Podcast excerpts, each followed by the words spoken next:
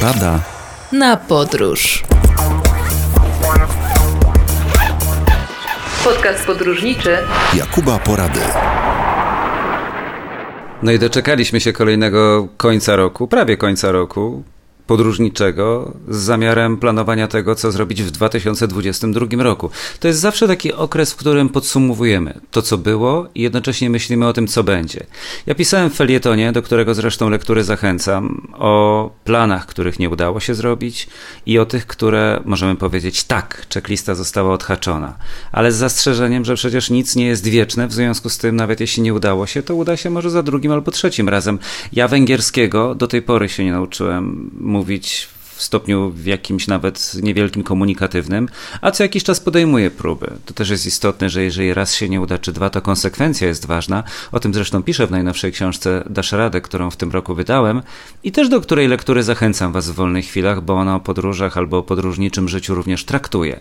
Natomiast niezależnie od tego, jak dużo słów zostanie napisanych jak dużo wypowiem teraz, czy jak e, gruba będzie książka, to i tak i tak żyjemy w kulturze obrazkowej. To jest, jak sięga się pamięcią wstecz od najstarszych zapisków rysowanych człowieka do jaskini Lascaux, w której widać postać zamierzającą się oszczepem na stworzenie i e, to jest uznany w historii za pierwszy ludzki zapis ilustrowany świadectwa kultury naszej cywilizacji. Ja się śmieję, że kultura i historia zatoczyła koło i doszliśmy od tego właśnie rzutu oszczepem do memów, które kilka lat temu pojawiły się i które właściwie są odpowiedzią na wszystkie bolączki, bo zarówno śmieszą, jak i straszą, ale pokazują obrazkowo, jak komiksy na początku lat dwudziestych w Stanach Zjednoczonych, kiedy te rzesze często niepiśmiennych, nieczytatych imigrantów przyjeżdżało do Ameryki, żeby rozpocząć swój American Dream. No i w związku z tym właśnie rozwój kinematografii, kin zwanych Nickelodeon, od takiej pięciocentówki, którą się wrzucało, bo to była bardzo tania rozrywka i obrazki ruchome mogły bawić, cieszyć i jednocześnie dawać jakąś radość i chwilę spokoju w trudach życia. No i właśnie komiksy, które w odróżnieniu od literatury, od słowa były łatwe, bo obrazek każdy zrozumiał, a teksty, które podawano w dymkach też nie były skomplikowane. Od tamtej pory minęło wiele lat, ale w dalszym ciągu bohaterowie Marvela, superheroes na ekranie i w ogóle kino jako rozrywka dla mas radzi sobie świetnie, a Indie często stawiane są za przykład filmów, których trzygodzinna produkcja, która zachwyca mieszkańców z naszego punktu widzenia często jest infantylna, no właśnie daje im taką radość na kilka godzin, żeby oderwać się od życia. Zdjęcia na portalach społecznościowych są czymś podobnym, aczkolwiek na innej zasadzie działają. W każdym razie każdy z nas je robi. Jeżeli ktoś ze słuchających teraz nie wrzucił jeszcze żadnej fotografii, to niech podniesie rękę. Na pewno jesteśmy, jesteście bardzo nieliczni. I ja też do tego grona robiących zdjęcia się zaliczam. Zaraz wytłumaczę z jakiego powodu. Bo powodów może być w ogóle kilka. Pierwszy jest taki, że chcemy pokazać innym, co robimy, zwrócić na siebie uwagę.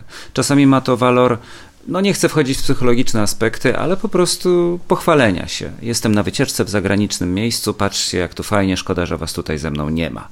Moja koleżanka y, robi tak często, zresztą nie jedna. Koledzy również. Ja też tak czasami robię, ale dodaję do tego jeszcze element, który zauważyłem, że działa w momencie, gdy pracuję. Otóż, jeżeli zrealizuję program telewizyjny i on zostanie obejrzany przez jakąś grupę widzów, być może także przez Was i doceniony, no to super. Nie ma większej radości dla autora.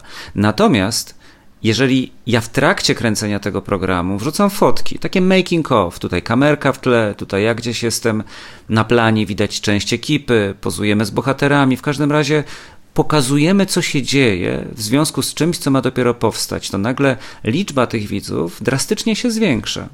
Innymi słowy, za pomocą darmowej reklamy, a taką przecież są zdjęcia na Insta, Mam od razu zapewnioną większą oglądalność, więc to jest dobre dla mnie, dlatego nie kopię się z koniem i bez przesady jakiejś, ale staram się rzeczy, które w moim mniemaniu zasługują na to, no w jakiś sposób pokazywać, żeby się po prostu lansować. Ale nie chodzi tu o czczą atencję, która wynika z narcyzmu, tylko o to, żeby właśnie pochwalić dzieło, nad którym aktualnie pracuję. Zawsze wracam do słów szefa, jak się sam nie pochwalisz, to nikt cię nie pochwali i jeszcze niejednokrotnie je ode mnie usłyszycie. To jest prawda. No cóż z tego, że napiszę książkę nową, jeżeli nikt o niej nie będzie słyszał. Sztukmistrz w Tczewie. Moja książka sprzed kilku lat znakomicie się teraz sprzedaje. Po kilku latach. Bo nagle z racji tego, że prowadzę różnego rodzaju kursy i warsztaty, słuchacze otrzymują tę książkę w prezencie albo w pakiecie, to już jest kwestia dogadania się, czytają i mówią, kurczę, ja nie wiedziałem, że w ogóle coś takiego istnieje.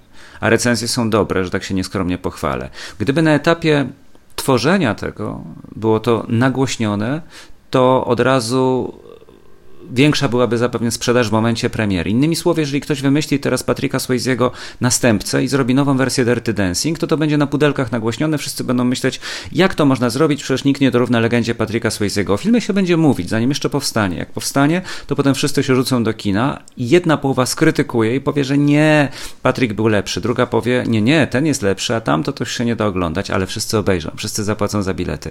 To jest właśnie to opakowanie, że buduje się odpowiednio otoczkę wokół dzieła, po to, żeby jeżeli jest dobre, to super, jeżeli jest niedobre, to gorzej, ale zakładając, że jest dobre, jeszcze dodatkowo podbić nim zainteresowanie. I temu też służą zdjęcia na portalach społecznościowych, więc mogę powiedzieć tak, jeżeli fotografujecie się, niezależnie o to w jakim celu, nawet jeżeli jest to cel stricte narcystyczny, w końcu macie do tego prawo, to pamiętajmy tylko o kilku zasadach, które ja mm, znam i które staram się przekazywać. Jak najmniej pozowania, jak najmniej stojącego e, pana, jeszcze z brzuszkiem wypiętym, to już przynajmniej trzeba wciągnąć na tle morza, albo na tle gór, albo pani z ciupagą w ręce. Widać, że takie jak po prostu w szkole, że idzie się do pana fotografa, on ustawi i taki niepewny uśmiech, coś się stoi. Raczej więcej tych zdjęć robić w miarę naturalnych, porobić kilka i wtedy zawsze się jedno jakieś fajne wybierze, niż takie właśnie typowo klasyczne, pozowane. Jeżeli patrzymy z bliska do kamery, czy do obiektywu, to raczej głowa pochylona. Nigdy nie zadzieramy podbródka, poza paroma sytuacjami wyjątkowymi, a raczej patrzymy z podełba. To jest zasada istotna i w połączeniu z lekkim uśmiechem, o którym kiedyś mówiłem, podniesienie kącików ust, ale nie tak, żeby się śmiać serdecznie, tylko tak, żeby one nie opadały na dół, żeby nie mieć wyrazu ponurego twarzy, ale taki uśmiech Bruce'a Willisa albo Piotrka Marciniaka, to jest zasada trzecia.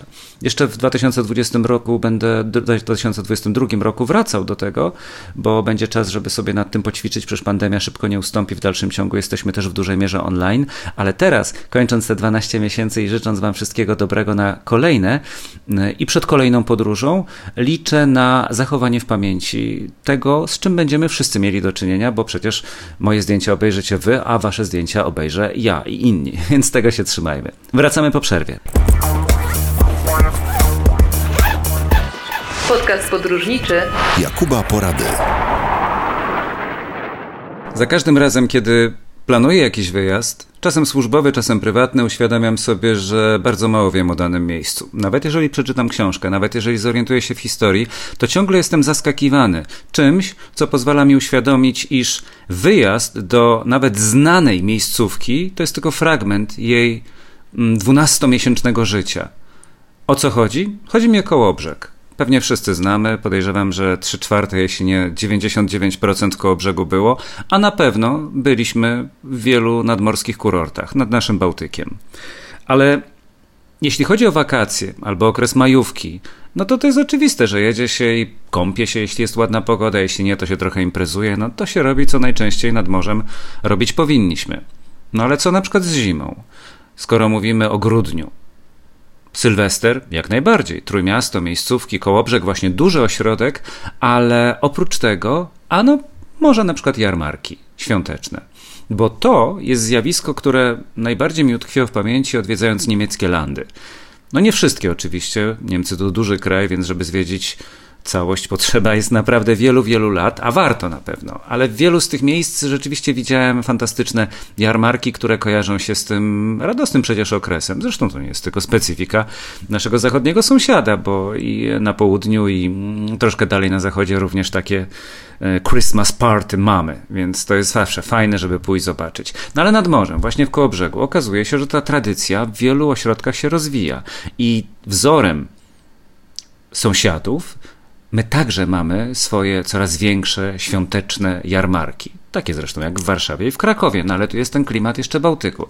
Dlatego chciałbym zachęcić Was do tego, żeby odwiedzać, odwiedzać miejsca, poza Zakopanem oczywiście, które odwiedzałem przez cały rok, żeby odwiedzać miejsca znane Wam również zimą. I żeby na przykład wybrać się do obrotowej kawiarni w hotelu Arka Spa, na kawę, na ciastko i na małą niespodziankę, albo żeby zdecydować się na mm, marinę solną i na przykład jakiś lunch na jachcie. Ostatnio była wyprawa dziennikarska i to jeden z fragmentów tego programu był łącznie z degustacją w kołobrzeskiej fabryce piwa Kolberg. To są właśnie takie plany, które można sobie prywatnie zupełnie uskuteczniać no i nastawiać się na to, że wieczorem jesteśmy w klubie jakimś muzycznym, a do południa idziemy parkiem zdrojowym na spacer. Na zwykły spacer, bo przecież to jest powietrze, które właśnie zimą jest wyjątkowo mocno nasycone jodem, czyli jest zdrowe, czyli pomaga w wielu schorzeniach i właśnie takie spacery pobudzają krążenie i wzmacniają naszą kondycję. Mamy jeszcze do zobaczenia basztę lądową, kamieniczkę kupiecką, katedrę. Mówię teraz o zwiedzaniu centrum miasta, czyli jesteśmy już nie nad morzem, nie w samej dzielnicy uzdrowiskowej, ale dokładnie w sercu ośrodka. Jest ratusz, historia yy, i różne klechty podania najsłynniejszego kołobrzeskiego yy, buntownika. Mamy yy, źródełko solne i degustację solanki. Degustację ostrożnie bardzo, bo ja ją degustowałem kiedyś, jak byłem na zdjęciach i to jest tak, jakbyśmy wsypali kilka litrów soli do szklanki.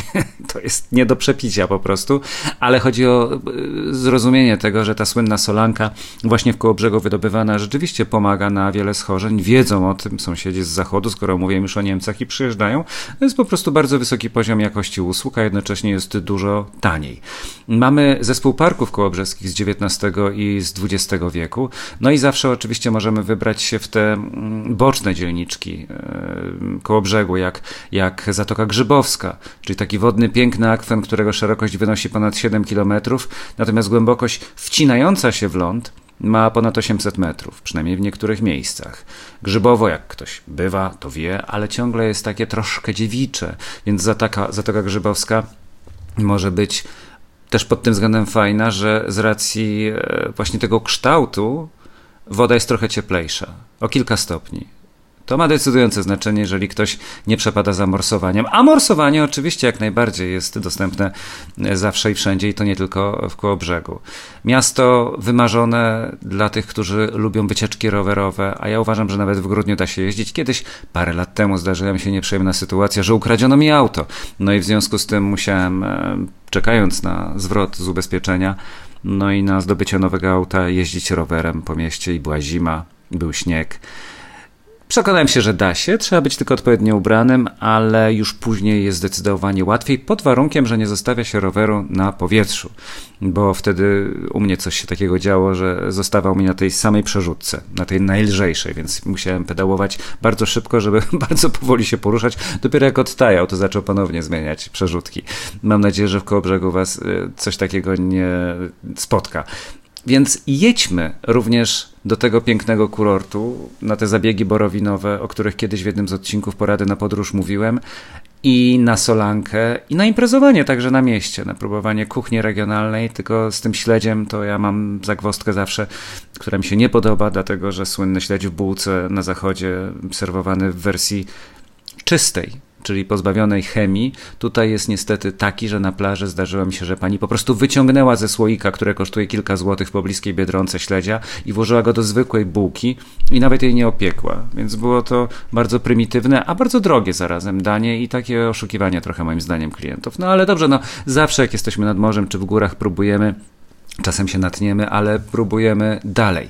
50 tysięcy mieszkańców ma to miasto, więc jest spore, jak Krosno, które też dobrze znamy, które było kiedyś województwem, więc na pewno nie jesteśmy w stanie się nudzić. Taksówki są tanie, nawet teraz w czasach inflacji nie sądzę, żeby znacząco to podrożało, a zatem możemy pojeździć sobie trochę w jedną i w drugą stronę, jeśli już nie będziemy brali tego roweru, bo rzeczywiście będzie za zimno i pojechać do Ustronia Morskiego, gdzie na pewno dobrą rybę znajdziecie. Jak mnie zapytacie na Messengerach, to wam podpowiem adres, ale i bez tego zawsze można się wybrać do Muzeum Oręża Polskiego i na wspomnianą basztę lądową, która jest obecnie zwana basztą prochową. Tam jest resztka muru obronnego jeszcze z XIV wieku i to jest obiekt średniowieczny. Y, systemu obronnego, który przetrwał do dnia dzisiejszego w całości. Także możemy znaleźć w elewacji, e, która znajduje się bodajże od strony parku, jeśli dobrze pamiętam, otwory strzelnicze. Tam jest siedziba PTTK, więc w razie czego można podpytać i wam powiedzą. A ja zwracam uwagę także na to, że Kołobrzeg był twierdzą i w czasach napoleońskich, i w czasach II wojny światowej, mm, więc te ślady walk miasta, które bardzo było doświadczone i Spielberg, gdyby znał tę historię, być może nakręciłby z nowym rozmachem coś na kształt szeregowca Ryana. To jest także rzecz, od której nie powinniśmy się odcinać, bo nauka historii moim zdaniem także w podróżach bardzo się przydaje. A zatem kierunek północny na Kołobrzeg i do zobaczenia na szlaku. To jest moja porada na podróż. Porada na podróż. Podcast podróżniczy Jakuba Porady.